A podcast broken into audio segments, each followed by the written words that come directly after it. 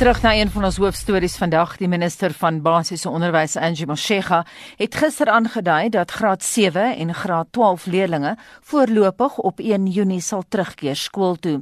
Onderwysers sal volgens die departement se beplanning op 18 Mei begin werk, hoewel die datums nog kan verander.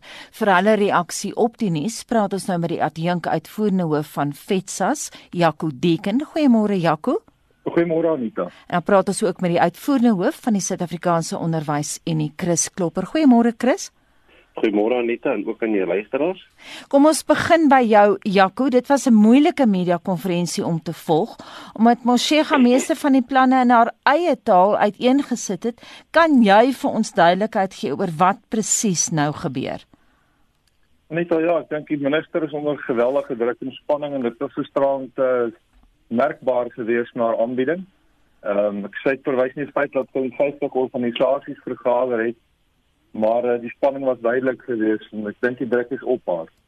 Dink ek kort en lank is uit die toespraak in die toespraak is gelukkig daarom beskikbaar gestel op van die media platforms so ouers kan dit gerus gaan lees. Dit is in een taal en is volgbaar.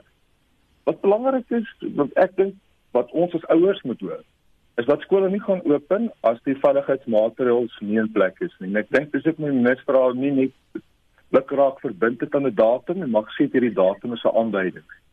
Want al die planne wat sy aangekondig het en die planne wat gemaak word, is nog op skrif en dit moet in provinsies toegepas word en die departement het verseker meer tyd nodig om dit prakties op provinsies te gaan doen. Weet die watervoorsiening aan skole, die saniteringspakke, die opleiding van die personeel, dit alles gaan tyd neem aan die een kant en aan die ander kant dit is ook gerusstellend weet ons dat daar kliphard gewerk word ook in die kurrikulum gedeelte om die kurrikulum te te gaan sny waar nodig en aanpassings te maak sodat ons ook by akademie kan uitkom. Mm. En ek dink daardie gedeelte is dalk nie voldoende beklemtoon in die minister se toespraak wat alles ook gedoen word om seker te maak die akademiese jaar sou kon voortgaan. En ek dink daar's nog steeds baie meer vrae as antwoorde gegee. Mhm. Mm Chris, volgens jou, waar was die gapings? Ons weet nou die onderwysers sal volgens die departement se beplanning op 18 Mei begin werk, maar die minister het ook gesê niks is absoluut klink klaar nie. Ek dink die minister sal baie moeilik kan teruggaan van enige van die uitlatings wat hy gemaak het.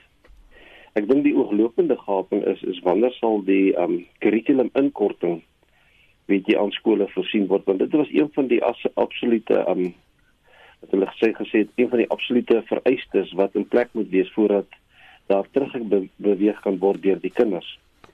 Um, met betrekking tot kurrikulum inkorting, miskien is dit belangrik dat mense dit net kortliks verduidelik. Um sien maar graad 7 is die onderwerp meting. En dan moet jy nou wat jy nou met met jy eers omtrek en dan met jy oppervlakte en dan met jy byvoorbeeld volume. Um dit is nou die, die tipiese uh, onderwerpe wat hanteer word. Dan kan hulle byvoorbeeld sê, goed, volume is nie so belangrik vir vir graad 7 nie. Volume sal meer aandag moet geniet in graad 8. En dan wat hulle kan doen is as hulle goed, kom ons fokus op die eerste twee onderwerpe en dan sal ons miskien hierdie gedeelte oor volume omdat dit pertinent eers hanteer word in graad 8 maak ons dit dan deel van byvoorbeeld 'n gedeelte wat volgende jaar in graad 8 hanteer word. En, en op so 'n wyse kom hulle uit by die belangrikste boustene en die primêre boustene in 'n bepaalde kurrikulum vir elke vak en elke graad en dan maak jy so seker dat jy miskien oor 'n periode van 2 jaar by al die verskillende boustene uitkom. Dit beteken ook nie dat um jou assessering nie aangepas sal word nie. Jou eksaminering en die toetsing sal ook dienooreenkomstig aangepas word om daarvoor voorsiening te maak. Hmm. En ek dink ouers hoef daaroor um gemaklik te wees. Daar's baie baie kundige um weet die werkspanne wat daarin werk en seker maak dat niemand in die proses benadeel gaan word nie. Hierdie vraag aan beide van julle, die minister sê die departement het breedvoerig met onderwysvakbondes gekonsulteer. Hoe baie insette het julle gelewer? Eers jy, Jaco, dan Chris. Anita, nee, dit is inderdaad waar. Ons het in hierdie grendeltydperk het ons verskeie geleenthede gehad om die minister het Janko sien amptenare te kom vergader. Ehm um, planne is om ons aangebied en ons kon op 'n deurlopende basis kommentaar instuur. En dit is daarom jammer dat die departement 'n dokument gaan aanbied het in die parlement sonder om duidelik aan te dui dat hierdie die eerste dokument is want baie van ons vennote het substantiëre kommentare ingestuur en skole het kommentare ingestuur en dit wat uitgesaai is het basies niks gewys van konsultasieprosesse nie. En die indruk is geskep uh, ons het nie geluister nie. Ons gaan eenvoudig voort op die traject wat ons self besluit het. En dit is baie jammer hmm. want daar is inderdaad moeite gedoen deur vennote om oor naweke en sondae vakansie daar deel te neem aan gesprekke Chris Ek ek wil saamstem met Jaco. Ons as as 'n unie, ons het seker omtrent amper op 'n daaglikse twee twee twee daaglikse basis met die minister self gesprek gevoer met met die DG gesprek gevoer en um, ons het verskeie skriftelike voorleggings gemaak en dit is waar die verwarring ingetee het. Um, ons is ook weet jy 'n uh, absolute integrale deel van die kurrikulumkomitee. So ons is gemaklik met daai aangeleentheid van van dat daar na ons geluister is. In die konsultasies was daar geweldig klem gelê op die kurrikulum en daar was min klem op die op die veiligheid en gesondheidsaspekte. En ek het um, baie baie um, skerp gereageer daarop um, na aanleiding van Vrydag se kom ons noem dit amper 'n fiasco, daai voor, voorlegging wat gemaak is in die parlementêre portefeulje komitee en gesê dat waar is die aspekte wat oor veiligheid gaan want dit is wat wat wat ouers en opvoeders kwel op hierdie stadium. En dis hoekom daar gister by die media konferensie amper weer 'n oorbeklemtoning was van van al die veiligheidsmaatreëls wat in plek is en min aandag aan die kurrikulum gegee is. Maar op op 'n oorweg van waarskynlikhede en as jy alles afweeg teenoor mekaar, dink ek is dit 'n goeie uitkoms en dit gee vir almal kans om weet jy met redelike rustigheid terug te keer. Die voorwaardes natuurlik die veiligheidsmaatreëls en die um, persoonlike beskermingstoerusting moet in plek wees. En daaroor wil ek ook baie baie graag vir die minister krediet gee. Die aanvanklike voorstel was dat dit dat dit vir kwartiel 1, 2 en 3 skole sou wees waar die maskers voorsien sou word. En ons het baie sterk kapsie gemaak daarteenoor. Ons het intendeel ons regspanne al gereed gehad om, om daaroor weet jy te gaan litigeer, maar ons baie bly daar was 'n kentering gewees. En die skole gaan ontsmet word? Daar's geen twyfel dat die skole ontsmet geword nie, soos ons self weet. Die skoolbestuurspanne en moontlik enkele van die adminpersoneel sal op die 11de terugbeweeg. Teen daai tyd is die vertroue dat dit wat bestel is op die 20ste April van China en India als gearriveer sou sou wees en dat hulle kan begin met 'n proses van ehm um, van ontsmetting van die skole. Ons praat vanoggend met die adjunk uitvoerende hoof van FETSAS Jaco Deken en die uitvoerende hoof van die Suid-Afrikaanse Onderwys en die Chris Klopper. Ek wil hê julle moet albei luister na insette deur ons luisteraars vanoggend. Ek is 'n onderwyser wat nou al van die 14de April af deur middel van Zoom klas gee. Dit is baie onbevredigend, maar dit is darm iets. In die tweede plek, Ek is bevrees dat Angie Motshega en haar trawante het die klok oorlei maar hulle weet nie waar hang die bel nie. Uit die manier waarop hulle dit hanteer, getuig vir my van totale onbeholpenheid. Die derde plek, stuur asseblief nou die graad 1 terug saam met die graad 12s. Graad 1 is 'n kritieke jaar vir verdere sukses. Tussenin kan mens so 'n plan maak. Jaconie uh, baie beïndruk Daniël onderwyser wat vir ons daai insette vir oggend gestuur het. Jaco, wil jy kommentaar lewer en dan jy, Chris? Seker. Ja, met Anita, ek ek dink bekommernis oor onderwys lê wyd. Ek dink by ouers, by by leerders en daar is 'n stuk angstigheid en die minister het dalk 'n goeie geleentheid laat verbygaan om rustigheid te bring en dalk jy's meer angstigheid geskep. Maar wat ons moet hoor, die veiligheidsmaatreëls en die beloftes wat gemaak is aan aan die sektor is nou vas. En dat skole gaan nie oop en en die kabinet gaan nie besluit nie om skole oop te maak as 'n klomp van hierdie goed nie in plek is. Mm -hmm. En ek dink die vennote rondom onderwys staan staan daaroor baie vas. Enige reaksie op wat hierdie onderwyser gesê het oor die graad 1s? Daar is meriete in die in die graad 1s. Maar dit is ook planne wat vir die departement gestuur is vir oorweging want hoe kleiner die kindertjies is, hoe moeiliker is hierdie sosiale afstande wat gehandhaaf moet word en is daar 'n paar ander faktore wat moet inspel eh, wat skool eers gereed moet wees. Maar dit is een van die planne wat ook vir die departement gestuur is en ek glo nie dis noodwendig van die tafel af so ons het nou weer 'n tydperk om bietjie rustig en logies te gaan dink soos wat die kurrikulum inkom en die en die veiligheidsmaatreëls inkom en dan deurlopend ook aan aan die infasering aandag gegee word. Natuurlik. En dit moet ons beklemtoon. Die departement van gesondheid se rol is kernbelangrik want dit bepaal eintlik hoe skole gaan oopmaak. Nie die onderwysproses nie, maar wat met die virus gebeur en die gesondheid in Suid-Afrika. Nog reaksie? Ja, ek sou graag reageer daarop. Ek dink ehm um,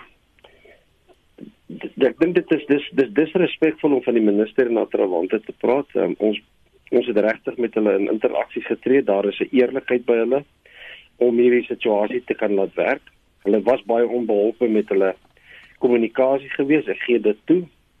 Maar oor hulle intensie en hulle hulle bona fides daaroor moet ons nie twyfel nie. Da, en ek wil die versekering gee vir die vir die luisteraars. Tydens die gesprekvoering was daar omtrent geen sprake enigsins van ideologie nie.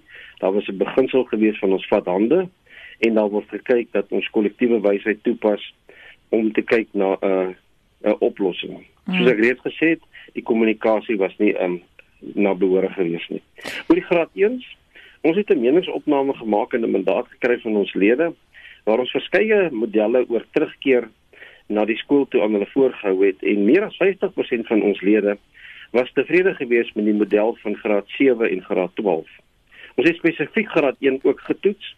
Hy het nie baie groot aftrek gekry nie. So ons is tevrede dat in terme van die mandaat wat ons by lede gekry het en hoe onderwysers oor die breë voel daaroor is die graad 7 en die graad 12 die aangewese opsie. Jaco kan ouers weier dat hulle kinders skool toe gaan. Anita, dit is dit is 'n moeilike vraag want die oomblik wat skole amptelik oopmaak, dan is leerders skoolpligtig. In terme van ons leerderaanwesigheidsbeleid, as jy nie wil skool toe gaan nie of nie kan gaan nie, dan moet die ouer met die skool kontak. So dan moet 'n goeie rede wees. Het 'n onderliggende siekte of dat dis dalk in 'n episentrum en dit sou vir 'n ouer 'n goeie rede gee om in die skool te skakel om daar te gesels. Maar solank as wat die daardie regulasie staan oor aanwesigheid en die skolewet sê leerders is skoolpligtig, gaan ouers nie ouers net by die huis kan hou nie. Ek wil terugkom uh, na wat daardie luisteraar gesê het. Sy is duidelik nie beïndruk met die hantering deur minister Angie Motshega nie. Was daar baie kommunikasie tussen Blydenzimande en Angie Motshega? Want Blydenzimande sê een ding en een ding reg aan die begin gesê van COVID-19 dat die universiteite vir 'n ruk gesluit gaan bly en hy was baie spesifiek in sy inligting en hy het nie gesê dit is oop vir verandering nie. Angie Motshega het baie duidelik gister gesê hierdie planne kan nog verander. Dit klink baie keer asof die regering nie met mekaar of ministers binne in die regering nie met mekaar praat oor die breë planne vir die onderwys en ek praat natuurlik hier van tersiêre onderwys ook want ons verwys na Blyd. Kom ons begin by jou Chris. Ehm um, ek dink wat die groot verskil was Blyd was baie beslis geweest om te sê dat dit is hoe dit nog steeds gaan plaasvind. Mm. Ek dink Angie het vir haarself moontlik die agterdeur oopgehou om te sê Moontlik kan daar 'n aanduiding van moontlike ehm um, konsultasies, miskien hier en daar 'n klein verstelling plaasvind, maar ek dink met dit wat op die tafel is, sal daar baie baie moeilik wegbeweeg kan word daarvan, want dit sal net weer verdere verwarring en ontsteltenis veroorsaak en ek dink die minister sal nie graag weer wil herhaling hê van die geweldige reaksie wat hulle ontvang het op Vrydag, ag nee op Vrydag nie op op um, eergister se se voordrag aan die um, aan die portefeulje komitee nie. Ek dink hulle is baie versigtig daarvoor. Ek is nie bevrees dat daar enige wat groot wysigings gaan plaasvind nie. Miskien hier en daar 'n verstelling. Ek dink wat sy gesê het is kom ons wag vir die regulasies wat gaan uitkom want want dit kan nie by wyse van dekreet plaasvind nie. Sy sal dan weet jy um, 'n um, bepaalde regulasie uitvaardig onder haar naam om te sê voortaan dit is hoe vlak 4 se hantering van die onderwys sal geskied. En net laastens, wat van onderwysers veral die wat moontlike onderliggende gesondheidsprobleme het? Nou dit is een van die aspekte wat ons ehm um, vir die minister gesê het dan genoeg tyd wees dat skoolhoofde en departementele amptenare tyd kan hê om met hulle um, werkerskorps te kan kommunikeer om te kyk na die mense wat comorbidities het om seker te maak dat hulle um, daai mense identifiseer en dat hulle planne in plek het om daai mense se plaasvervangers aangestel te kry. En dit is hoekom ons 'n periode het van amper 'n maand um voordat die kinders weer by die skole sal uit uitkom. Baie dankie. Ons het vanoggend gepraat met die adjunke uitvoerende hoof van FETSAS Jaco Deken en die uitvoerende hoof van die Suid-Afrikaanse Onderwysunie Chris Klopper. 'n Rokende luisteraar het gisteroggend aan Monitor 'n stemnota gestuur waarin hy sy misnoë met minister Dlamini Zuma se uitspraak oor sigarette duidelik getoon het. Die minister het eergisteraand gesê tabak sal nie soos wat president Ramaphosa tydens sy laaste COVID-toespraak beloof het, weer van 1 Mei af verkoop word nie. Monitor het ook gister vir die joernalis en kommentator Max de Pre uitgevra oor die regering se verwarrende boodskappe. Vir luisteraars wat daardie klankgreep van ons geïrriteerde rokende luisteraar gemis het, hier is dit weer.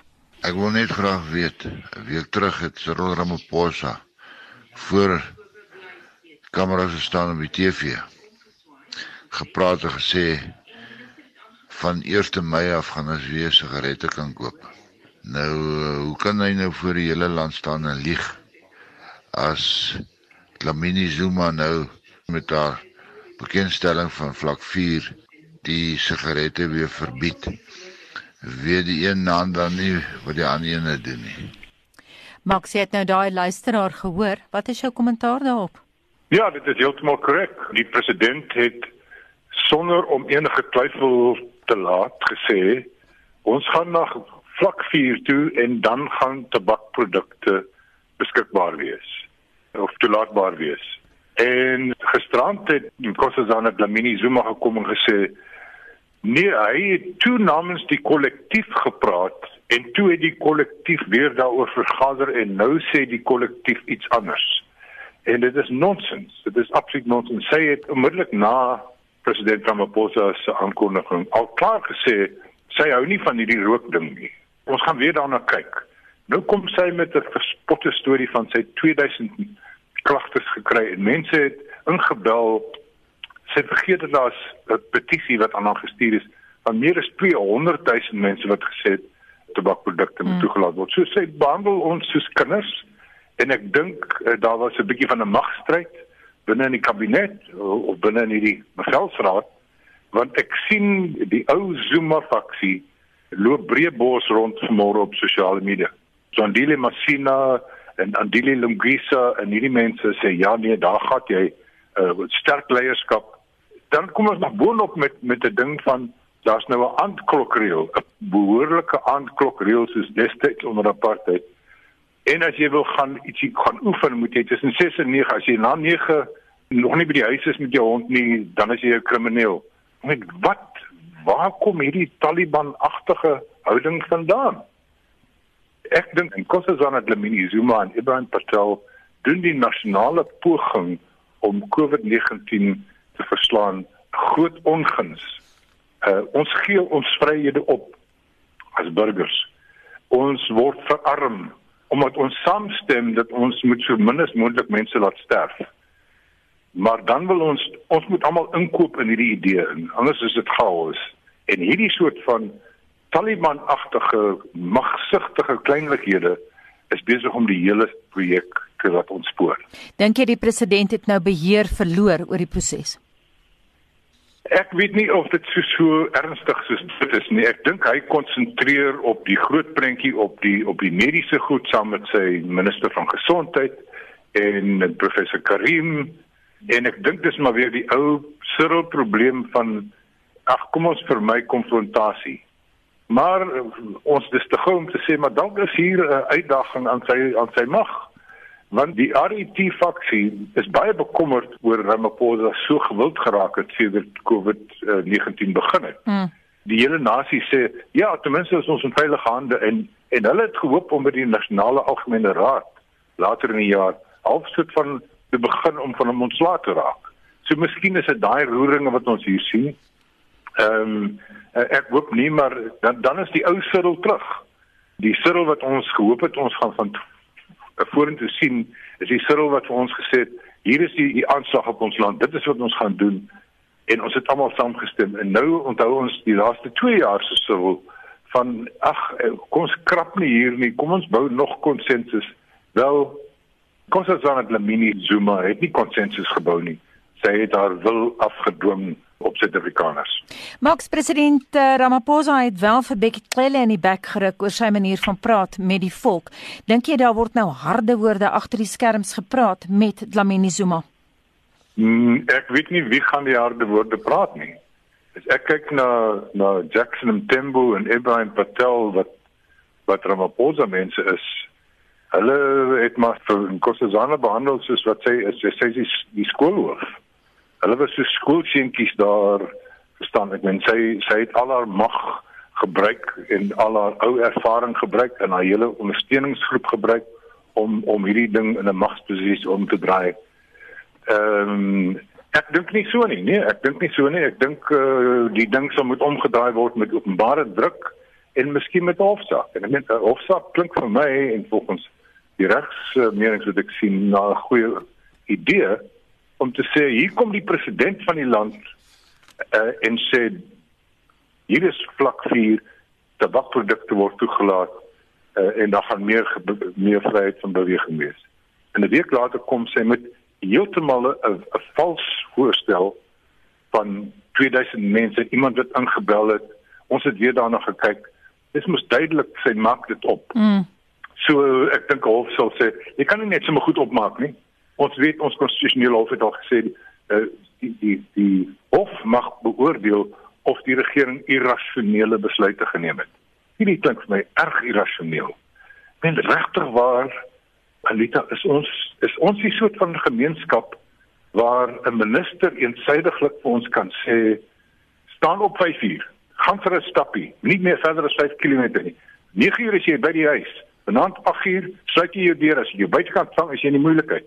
Ehm um, as jy 'n dampie wil hê, wel dan is jy 'n slegte Suid-Afrikaner watter Suid-Afrika skep hierdie mense vir ons? Ons wil almal deelneem aan die veldtog om hierdie virus te verslaan.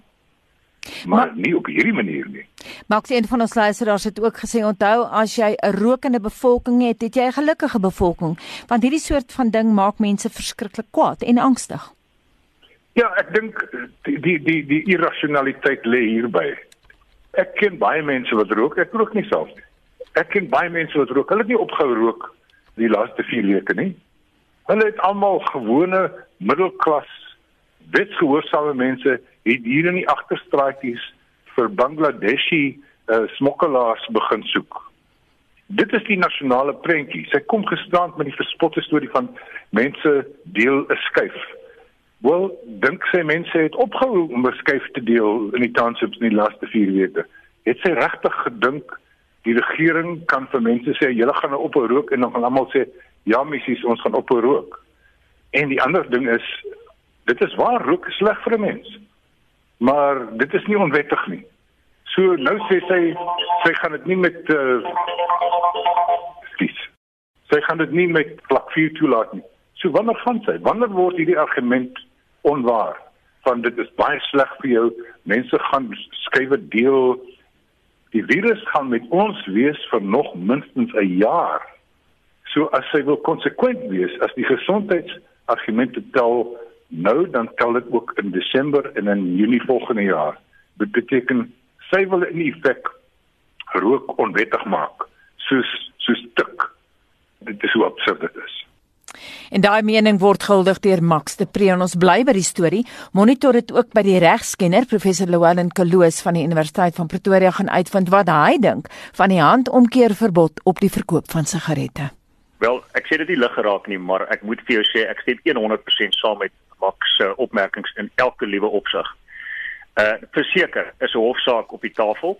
Ek sou verbaas wees dat dit nie by wyse van 'n dringende aansoek sal geskied nie ek antisipeer twee tipes aansoeke hierso. In die eerste instansie natuurlik belanghebbendes in die tabakindustrie.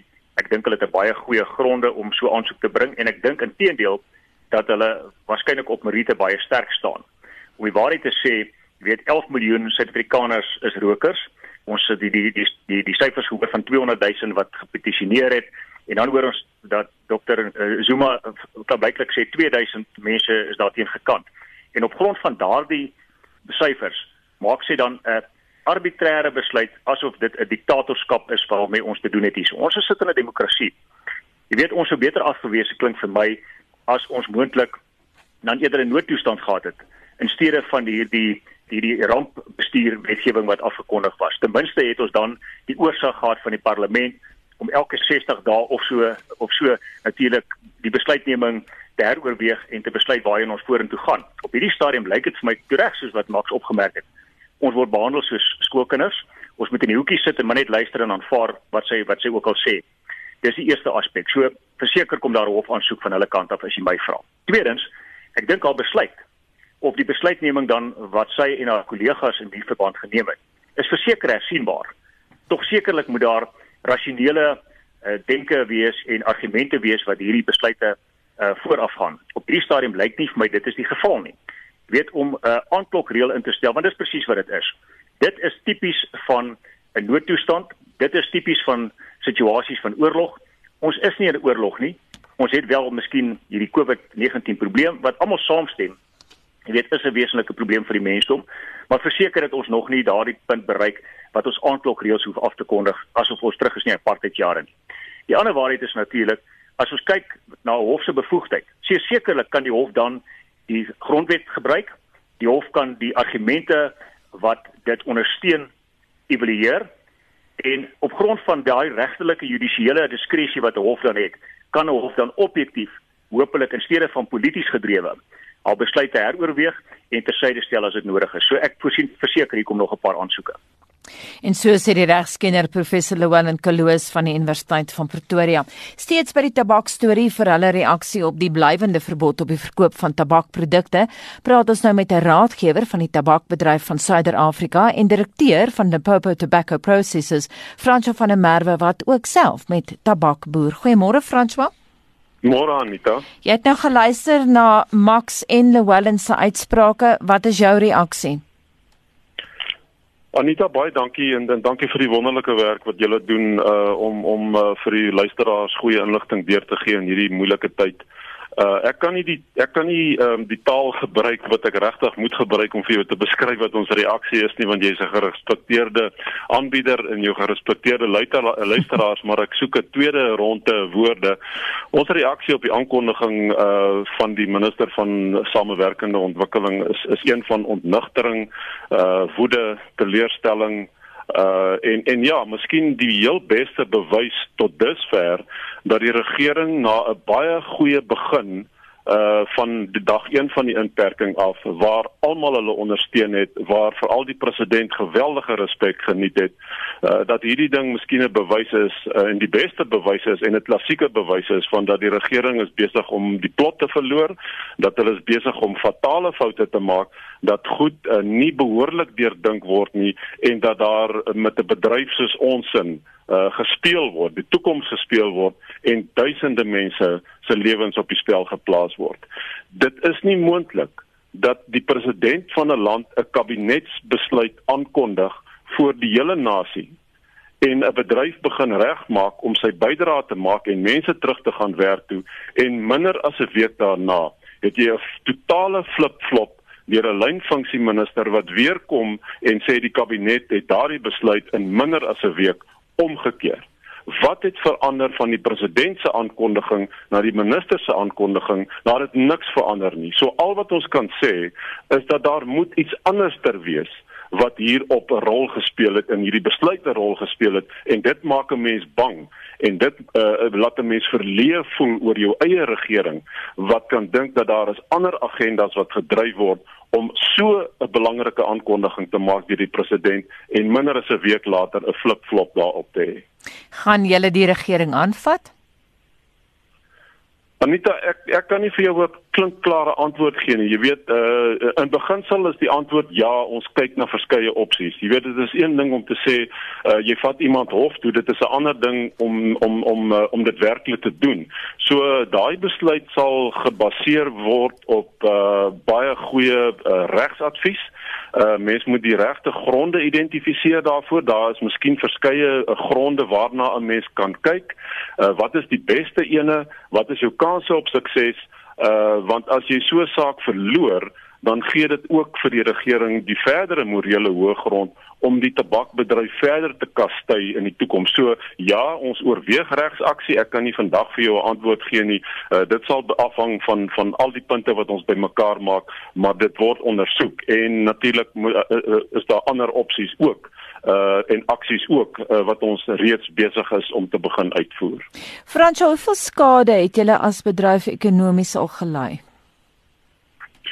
Anita, die skade is enorm en die skade is nie net aan die bedryf nie. Die skade is is ook aan die staatskas. Die skade is ook aan verbruikers. Ons sit met 'n wettige produk waar mense oor die ouderdom van 18 die reg het om te gebruik. Almal weet dis 'n skadelike produk. Die beste ding wat mense kan doen is om nie tabak te gebruik nie. Maar dit is 'n ideale wêreld. Ons leef in 'n werklike wêreld waar meer as 10 miljoen Suid-Afrikaners uh tabak gebruik. Hulle die reg om dit te doen as hulle ingeligte besluit neem. Meer as 'n miljard mense oor die wêreld gebruik dit. Dit is 'n groot bydra tot die staatskas.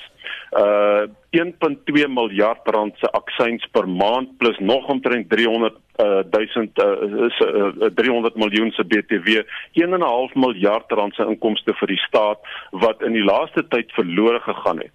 Ons sit met 'n waardeketting van fabrieke, van verwerkers, van boere en van van plaasvlak af sit ons met 200 kommersiële boere, 160 ontwikkelende swart boere wat ons oplei en mentor om volwaardig vir hulle families te sorg. Ons sit met 'n 700 miljoen rand se plaaswaarde van tabak. Ons sit met 6 tot 8000 plaaswerkers in ver afgeleë platlandse gebiede waar ander werk nie bestaan nie. Ons sit met meer as 30000 afhanklikes wat gevoed word uit hierdie bedryf uit. Ons sit met 'n wettige bedryf wat belê in hierdie land. Ons sit met maatskappye, ons sit met 'n waardeketting en ons sit met verbruikers hier uh en ons sit met 'n trotse bydrae van 'n bedryf met eerlike en opregte mense van plaasvlak af regdeur tot uh, tot in die mark. So die skade is enorm. Uh as jy dink dat Suid-Afrikaners gebruik meer as 30 miljard sigarette alleen per jaar, waarvan omtrent 18 miljard uh wettig is. Die ander 12 is in elk geval onwettig. 12 miljard is in elk geval onwettig. So nou het jy daai 18 miljard weggevat deur hierdie inperking. Dit maak nie sin nie want daar's nog steeds 12 miljard onwettige sigarette in die mark. So al wat mense nou doen is hulle beweeg rond na sy strate, agterstrate, uh, klein winkeltjies en die informele mark en hulle kry in elk geval die produkte, maar ontneem die staat van 1.5 miljard rand se inkomste en ontneem die wettige bedryf sy bydrae en is besig om 'n wettige bedryf dood te maak. Mm. So die laaste opmerking wat ek wil maak is almal verloor met hierdie inperking. Dit maak geen sin nie produkte word in elk geval verhandel, maar dit is onwettige produkte. So wat is die punt om hierdie inperk om hierdie verbod uh, te verleng? Daar moet iets anderster wees. En dit is drakonies, dit is irrasioneel en uh, mense is bitter teleurgesteld in hierdie uh, besluit. Dis eintlik die punt wat Max ook gemaak het. Mense sal sigarette in die hande kry as hulle wil. Maar Franco, wat jou betref, het jy baie reaksie gehad van mense binne die bedryf? Die reaksie is oorweldigend uh, van die oomblik wat die minister Lamini Zuma die aankondiging gemaak het uh tot 1 uur uh, daai volgende oggend en gister die hele dag uh was was was my foon uh, nooit uh, stil nie. Almal is oorweldigend, almal is verbluf en almal vra wat nou?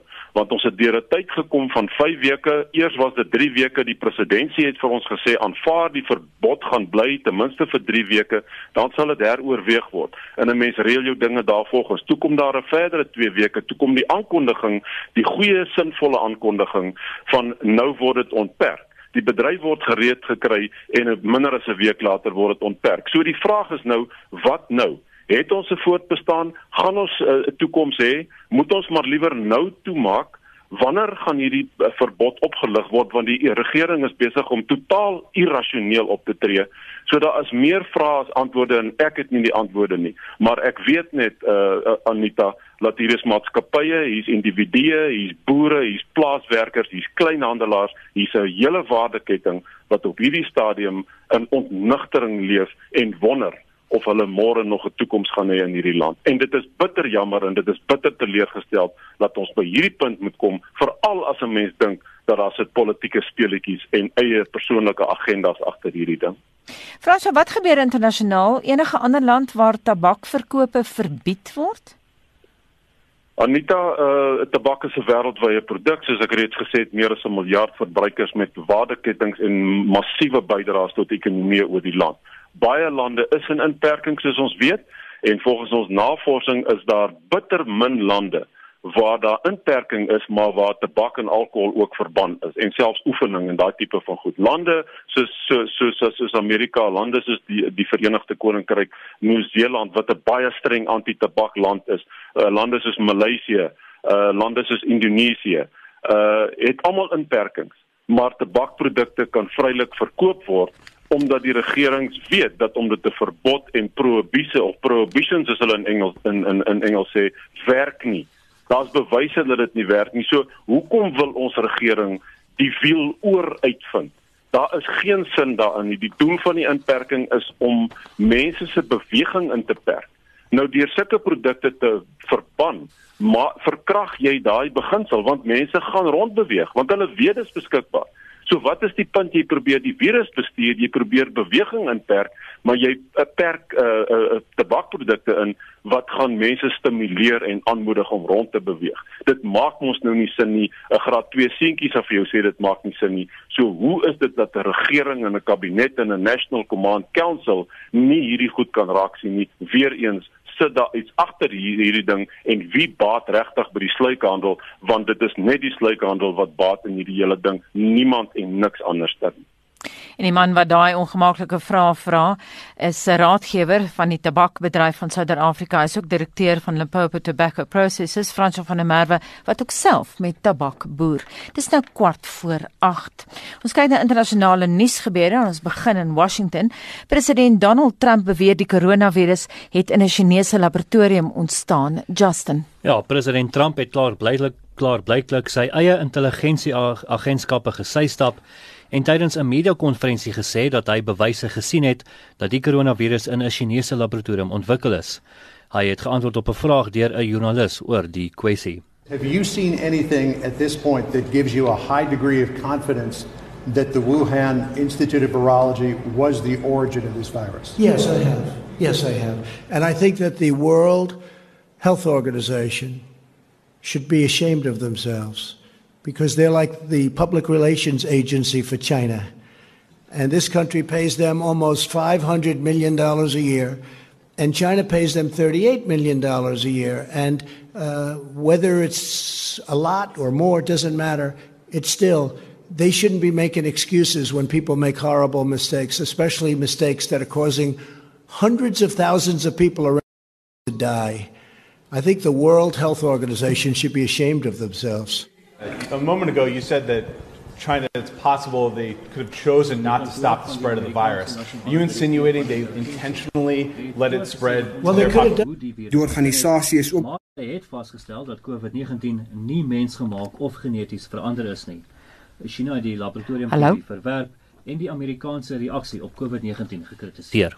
Dit lyk my ons het 'n tegniese probleem daar gehad dat ons net hoor ja, ons is nou weer op die lug en dan Justin 'n hoë vlak mikroplastiek word op die seebed gevind. Ja, wetenskaplikes het die hoogste vlakke nog van mikroplastiek op die seebodem geïdentifiseer. Die besmetting is gevind in sediment wat aan die onderkant van die Middellandse See af naby Italië getrek is. Die ontleding, gelei deur die Universiteit van Manchester, het tot 1,9 miljoen plastiekstukke per vierkante meter gevind.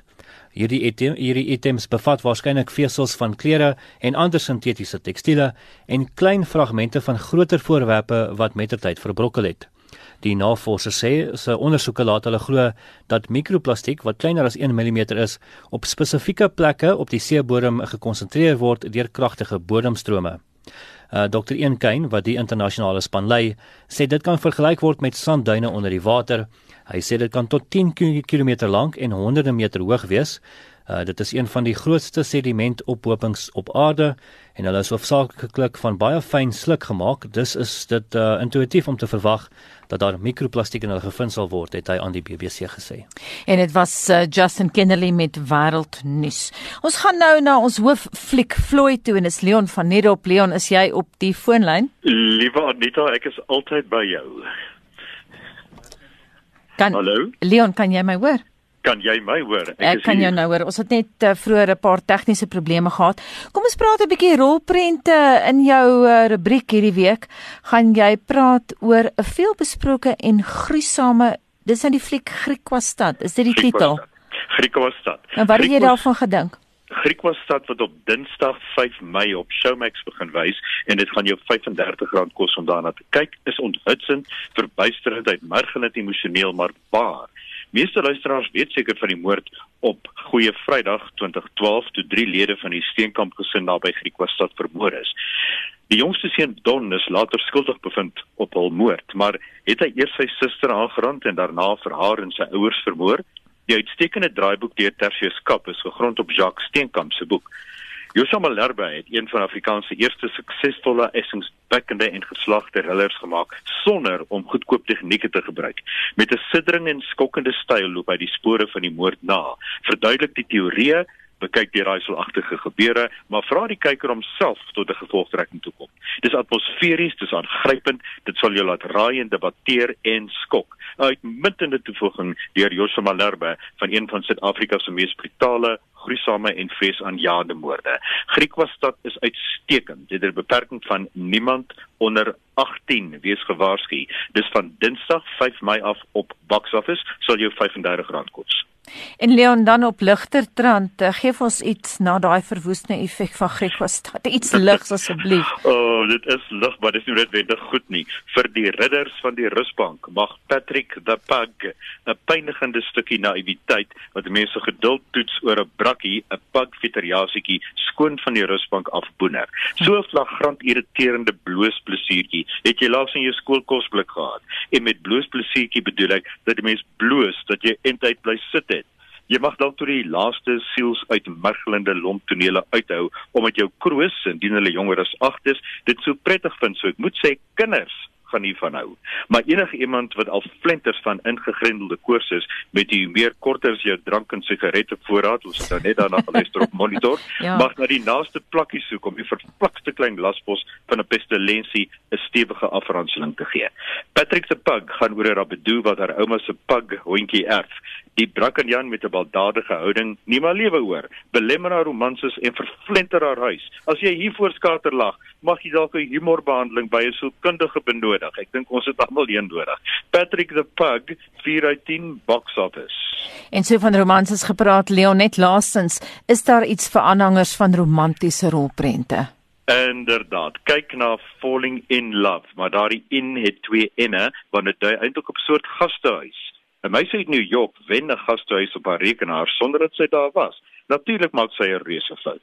Wanneer sy in Nieu-Seeland aankom waar haar pryshuis is, loop sy af vas, maar dit is meer verflenter as die lap op die ashoop langs die stukkende skoen en die vrotpampoen. Maar soos gewoonlik in die soort romkoms, ontmoet sy 'n vleispaleis met 'n wasbord maag en 'n suikerklontjie grinnik. Hy is natuurlik, uit die flikheidshalwe, ook 'n vrygesel. Dowet Dolla en Spiertier. Nou kyk ek dink aan daai kombinasie. Die fliek is so leeg soos jou chips pakkie na jy gevra het kyk het maar dit is verstrooiingsvermaak wat jou aandag kunsmatig behoort te hou. Al is dit ook nou net om na mooi mense te kyk wat nie wil aanvaar dat hulle vir mekaar bedoel is nie. Falling in Love, die inne twee inne op Netflix. Lees die resensies by rsg.co.za, klik op fliekrubriek of luister op potgooi daarna. Werkersdag vandag 1 Mei en dit word dikwels met kommunisme verbind, maar dit het ontstaan in die FSA. Op 1 Mei 1886 het 200 000 werkers in Amerika 'n nasionale staking vir 'n 8 uur lange werksdag gehou. Die inisiatief is in 1889 deur die internasionale sosialistiese konferensie as 'n internasionale vakansiedag vir arbeid verklaar. En ons praat nou verder hieroor met 'n direkteur by OIM International en 'n spesialis spesialis in konflikresolusie, Chris Jacobs. Goeiemôre Chris. Goeiemôre Anita. Ons het nou 'n bietjie gepraat oor die ontstaan van Werkersdag vir baie mense sekerlik 'n verrassing. Ja, ehm um, ek dink oor die jare heen het uh het uh, baie mense dit gerieflik gekleer as bloot 'n sosialistiese of kommunistiese dag, maar die die waarheid is intedeel baie anders.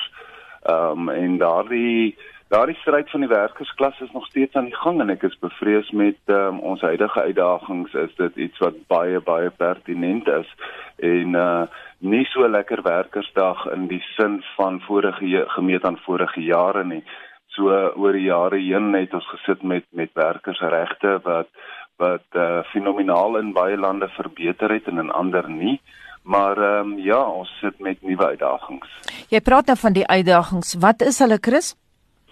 Ja, wel as 'n mens net kyk na wat uh, gister in die deur die departement finansies uh, bekend gemaak is. Hulle het na drie scenario's gekyk oor hoe gaan ons geïmpakteer word um, in die in die werksplekke rondom om uh, in diensneming. En ek is ek is bevrees daai prentjie is nie rooskleurig nie. Ons praat van 'n inkrimping van die ekonomie van en dis volgens die departement van finansies van so 6.4% en en dit mag beteken dat ons werkloosheid tot soveel as 50% mag mag groei. Ehm um, miskien meer prakties gesproke as ons 'n as 'n kort vinnige herstel kon kry in in die ekonomie praat ons van so 3 miljoen werkverliese wat wat wat ons gaan gaan gaan hê. As ons 'n bietjie langer gaan vat, praat ons van 5 miljoen en dan die die vreeslike scenario is tot 7 miljoen werksverliese wat ons in die gesig staar en net. Hoe vergelyk dit met ander ontwikkelende lande? Ja, ons uh, ons ek dink weer eens ons ons is in dieselfde storm, maar ons is nie in dieselfde bootjie nie. En ander ontwikkelende lande sit met soortgelyke uitdagings en ehm um, die die die feit van die saak is dat die die lande wat die vinnigste hierdie aan die keel gaan gryp, gaan die lande wees wat die vinnigste uit uit uit hierdie probleem uit gaan kom so soortgelyk aan ander land uh, ontwikkelende lande maar ons moet ook onthou dat in die geval van Suid-Afrika ons moet baie meer progressiewe arbeidswetgewing sit wat ons herstel natuurlik anders gaan maak as as lande wat op kort kennisgewing um, en nie gebrek lê aan aan aan oorregulering van die arbeidsterrein uh lei nie en dat hulle waarskynlik vinniger kan herstel. Wat dink jy van ons werkers? Is hulle gedissiplineerd? Het hulle werksetiek oor die algemeen gesproke? Ja, dis 'n dis 'n moeilike vraag om te veralgemeen oor so iets. Die die feit van die saak is op hierdie stadium ek ons ons ons ons sit met 'n situasie waar ons in hierdie inperking ingegaan het met met 'n baie swak ekonomie en werkers se reaksie was waarskynlik nog baie verdelend geweest. Ons het nog te veel gehad van 'n van 'n situasie waar ons sit met bestuur versus die werk werkerskorps. En en op hierdie stadium kan ons nie bekostig om enigsins daardie daardie gedagte rigting, daai mindset soos hulle in Engels sê, in hierdie uitdaging in te gaan nie. So ja, die of da of of of mense regtig waar genoegsaam fokus op op produktiwiteit of op uitsette of veiligheid in die werksplek. Daai debat op hierdie stadium is nie wat is nie. Die debat moet wees oor wat gaan kom en wat hoe gaan ons osself rig op daardie uitdagings wat nou vir ons voor die deur is. Chris net een laaste vraag. As jy vir die regering iets sou kon sê in terme van nuwe wetgewing, net een ding, wat sou dit wees? Wel, ons moet baie pragmaties kyk na hierdie nuwe uitdagings. Ons moet baie pragmaties gaan kyk. Ons kan nie met ou denke in 'n nuwe wêreldomstandighede ingaan nie. Hierdie hierdie ons is almal in dieselfde storm, maar ons bote verskil en elke industrie gaan anders met met met reageer hierop. So ons moet baie pertinent gaan kyk na ons wetgewing ons ons ons word reeds aangekla dat ons uh, arbeidswetgewing beperkend is. Ons gaan heeltemal opnuut gaan kyk hierna. Ons moet gaan kyk na werkskepping. Ons gaan moet kyk na hoe ons hier uit gaan kom en nie hoe ons met ou denke en ou raamwerke hierdie uitdaging gaan aanvat nie. Baie dankie en so sê Chris Jacobs, direkteur by OIM International. Die mossies wat nou in hierdie tye al hoe meer volop in ons tuine word, het van dese week 'n Sondagkoerant die boeiende verhaal laat vertel van hoe die mossie 'n simbool van hoop geword het en op Suid-Afrikaanse muntstukke beland het. Die hoofredakteur van die Woordeboek van die Afrikaanse taal, Dr Willem Botha, bespreek die gebruik van die woord mossie in Afrikaans. Tydens die Suid-Afrikaanse oorlog, meer as 100 jaar gelede, was 'n groepie baie moe vroue in die konsentrasiekamp by Betili bymekaar rondom ene Anet Maree wat vir hulle 'n boodskap van bemoediging wil bring. Sy lees uit die Bybel van twee mossies wat slegs vir 'n sent te koop is, maar deur die Skepper as van groot waarde beskou word. Terwyl sy lees, het 'n mossie op haar skouer kom sit en so vir hulle 'n teken van hoop in hulle haglike omstandighede geword. Die storie het tot die generaal Jan Smits getrek en hy het glo as premier in 1923 toegesien dat twee mossies op die kleinste muntstuk van destyds die oortjie of die kwartpen verskyn. Daarna was twee mossies altyd op die Suid-Afrikaanse halfsent en later die sentstuk tot in die vroeë 90er jare toe die sentstuk aan die mark onttrek is. In Afrikaans sê ons mossie afgelei van Nederlands mos wat glad nie in Afrikaans gebruik word nie, sodat mossie nie meer as 'n ware verkleiningsvorm beskou word. Op 'n soortgelyke wyse gebruik ons muggie wat afgelei is van die Nederlandse enkelvoud mug wat ook nie in Afrikaans gebruik word nie. In Nederlands word mug vir beide 'n muskiet en 'n muggie gebruik. Die mossie figureer in meer as een Afrikaanse uitdrukking. Die bekendste een is waarskynlik mossie maar man. Wat daarop dui dat iemand klein van postuur, maar dapper, sterk of selfversekerd is. Ons gebruik graag mossie of muggie om na iemand te verwys wat klein is en daarom is ook die wisseluitdrukking muggie maar man. Dit is aangeteken dat daar soms na 'n baie kort manspersoon as 'n muggie dol verwys word. 'n Minder bekende uitdrukking met mossie is soos 'n mossie in daggasaad leef. Wat beteken dat iemand 'n baie gelukkige, onbesorgde lewe lei. En dit dan Dr Willem Botha van die WAT. Ons groet namens ons waarnemende uitvoerende regisseur Wessel Pretorius. Die man in die warm stoel vanoggend was Justin Kennedy. Ons produksieregisseur Daitron Godfrey en my naam is Anita Visser.